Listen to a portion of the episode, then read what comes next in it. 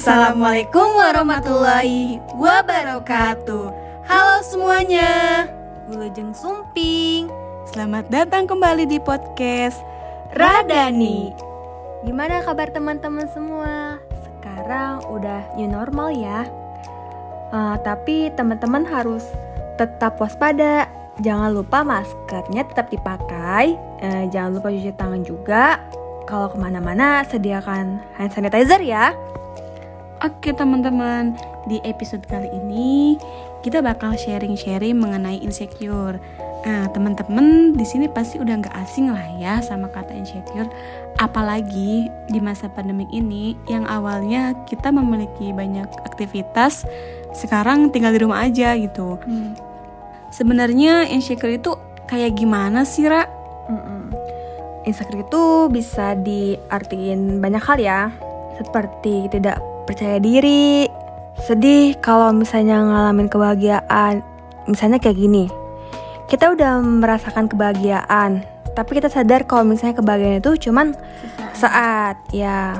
Kemudian uh, khawatir tentang hidup, pasti ini selalu dirasakan setiap teman-teman semua. Yeah. Apalagi teman-teman yang kiranya udah memasuki usia berumur lah ya, misalnya dari 20 tahunan ke atas, itu ya. pasti banget pasti ngerasain seperti ini. Kemudian ngerasa gagal dan hilangnya harapan. Sampai hilangnya harapan itu termasuk insecure Sejauh juga. Itu ya. Mm -mm. Jadi gitu penjelasannya teman-teman. Nah untuk dari penjelasan tadi tuh kenapa sih bisa terjadi insecure tuh kayak gimana, Ra? Sebenarnya insecure ini uh, banyak faktornya. Uh, yang pertama ini bisa jadi ada pengalaman pengalaman buruk di masa kecilnya. Hmm. Misalnya uh, pas waktu kecilnya ada pengucilan atau bullying ya, ya bully dari teman-temannya. Hmm.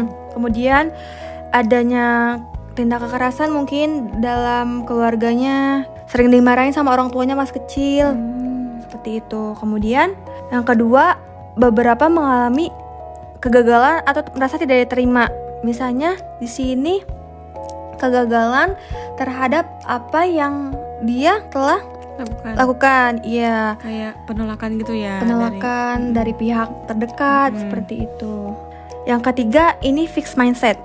fixed mindset itu nah, di sini bisa diartikan kayak pemikirannya itu manteg gitu loh. Jadi kita hanya menilai dua dua dua penilaian aja, hitam putih aja, baik buruk aja. Hmm. Ya Misalnya seperti ini. Dalam keluarga kita, orang tua kita ini memberitahu bahwa kalau misalnya nilai kamu turun, eh jelek, itu itu suatu kegagalan. Padahal kan tidak selalu. Iya. Padahal kan bisa jadi itu suatu tahap proses gitu ya. Iya. Dan yang keempat, ekspektasi yang tidak realistis. Misalnya teman kita ini suaranya bagus, iya. sedangkan kita uh, pengen uh, suaranya bagus seperti dia. Emang latar belakangnya uh, orang tuanya emang musisi seperti itu. Uh, ekspektasi terhadap diri kita itu nggak mungkin sampai situ karena nggak ada latar belakangnya seperti itu. Nah, ini sulit kan tadi yang kamu jelasin itu mm. kayak contohnya uh, dia nggak bisa kayak orang lain gitu ya. Mm. Sama uh, ngerasain apa? Ada kebahagiaan tapi apa tadi yang kamu jelasin? Kebahagiaan tapi rasa sedih gitu. Ya itu uh, uh, sama nggak sih kayak uh, rasa tidak bersyukur mm. itu kira-kira bedanya apa ya kalau misalnya kan tadi kalau misalnya kita ngerasa nggak bersyukur juga kan itu bukannya termasuk nggak bersyukur mm. kalau misalnya kita ngerasa kayak kurang mm. apa beda apa sama gitu sebenarnya kalau kalau untuk konteks ini sih sebenarnya beda ya mm. kalau misalnya rasa bersyukur itu uh, aku punya pemikiran sendiri ya yeah. mengenai hal ini yeah. kalau misalnya rasa bersyukur itu kayak kita udah menerima hal mm. uh banyak gitu tapi kita merasa masih kurang masih kurang tapi sebenarnya itu sudah cukup uh, bagi kita gitu kalau misalnya insecure itu seperti apa ya itu tuh hanya pemikiran kita, kita. aja loh mm. padahal sesungguhnya nggak kayak gitu ya sesungguhnya kayak gitu berarti intinya kita harus berpositif thinking gitu supaya mm. kita nggak ngerasa insecure gitu ya mm. gitu yakinlah sama ya, diri kita yakin. gitu Nah, terus uh, dari penyebab dan faktor-faktor insecure itu hmm. uh, ada nggak sih cara untuk menguranginya hmm. buat nggak terjadi kayak gitu? Itu gimana menurut ya. kamu? Hmm. Sebenarnya setiap orang pasti selalu ngerasain kan. Iya. Kayaknya juga sulit dihilangin juga. Mm-mm. Pasti selalu muncul. Termasuk sebenarnya aku juga masih ngerasain insecure sih. Sekarang juga lagi belajar buat gimana buat menguranginya sama mengatasinya Mm-mm. supaya nggak berlarut-larut sama rasa nggak percaya diri itu. Hmm. Nah itu gimana cara mengatasinya Hmm. atau menguranginya? Yang pertama sih aku ya aku eh, dengan menerima sama mencintai diri aku sendiri sih. Mm-mm. Soalnya kenapa? Karena kita kan ini tuh diri kita itu sebagai bentuk eh, prasangka baik atas apa yang telah Allah kasih buat kita kan. Iya.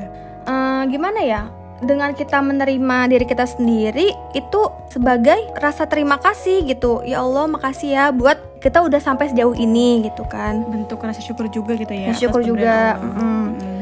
Kemudian self love itu juga penting banget buat kita buat Hmm. bisa percaya diri melakukan hal-hal positif. positif. Terus kan tadi kamu bilang eh, mencintai dan menerima diri kita Hmm. seperti itu kan disebut dengan self love ya. Hmm. Nah, eh, ada nggak sih langkah-langkah buat memunculkan self love itu gimana menurut ya menurut yang pernah kamu tahu gitu atau Hmm. menurut kamu? Menurut Shannon Kaiser Hmm. katanya ada langkah-langkah kita untuk menerapkan self love itu Hmm. sendiri, mencintai diri kita sendiri. Ada empat. Yang pertama analyze, Mm-mm. yang kedua let go, yang ketiga fokus, dan yang, ke- yang keempat build. Yang pertama analyze itu analisa. Eh, di sini itu analisa kita bisa memetakan atau membuat mind map eh, diri kita seperti apa. Mm-mm. Apa yang kita suka dan yang tidak tidak suka seperti itu. Misalnya kita tidak suka tidak suka orang berbohong gitu kan. Tidak suka diganggu eh, kalau lagi sendiri kayak gitu. Terus yang kedua itu let go. Di sini itu let go itu maksudnya menghindari hal-hal yang eh, dapat mencetuskan, merusak eh, rasa cinta kita terhadap diri kita gitu. Misalnya ada orang-orang toksik gitu kan, orang-orang yang racun terhadap hidup kita, kita. di sekitar kita. Hmm. Misalnya teman-teman kita kalau misalnya lagi deket kita selalu ngeluh gitu kan, marah-marah terus ngeluh gitu kan. Jadi kita sebisa mungkin buat menghindarin orang yang dapat berpengaruh kita ya. Iya. Itu apa pengaruhnya buruk buat kita Pengaruh gitu. Jadi kita hindari gitu ya. Mm-mm. Mm. Terus yang ketiga itu fokus. Misalnya sini kan self love itu kan pengen menghargai mencintai diri kita Iya. sendiri. Dengan kita fokus, eh, misalnya fokus kita buat apa ya mencintai kita itu melakukan perubahan. Misalnya fokus. Pertama itu perubahan apa yang kita inginkan. Fokus penampilan atau perilaku dulu seperti itu Jadi bertahap gitu ya. bertahap ya dan yang keempat yang itu yang terakhir build itu itu maksudnya membangun membangun itu semua gitu mulai melakukan aksi, Aksi. gitu Mm-mm. Iya. Jadi nggak cuma teori doang ya, kita harus Mm-mm. aksinya gitu. aksi Iya. sebenarnya eh, antara insecure sama self love itu sangat berkaitan gitu kan Hmm, Oke. Mm. Eh, mantap sekali ya ini pembahasannya. itu kita sharing-sharing aja Iya, kita sharing-sharing aja.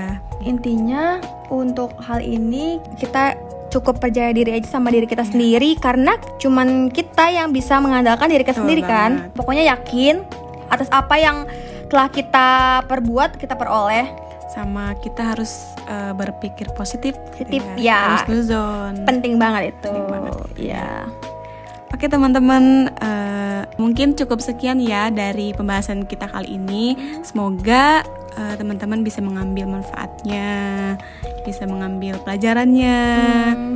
dan buat teman-teman yang belum tahu cara-caranya tadi bisa teman-teman terapkan gitu ya. ya semoga kita bisa mengatasi permasalahan mental Problematika. problematika hidup yang membuat mental breakdown kita ya Semangat. semangat, terus Nah. bye bye, Bye-bye. assalamualaikum warahmatullahi wabarakatuh.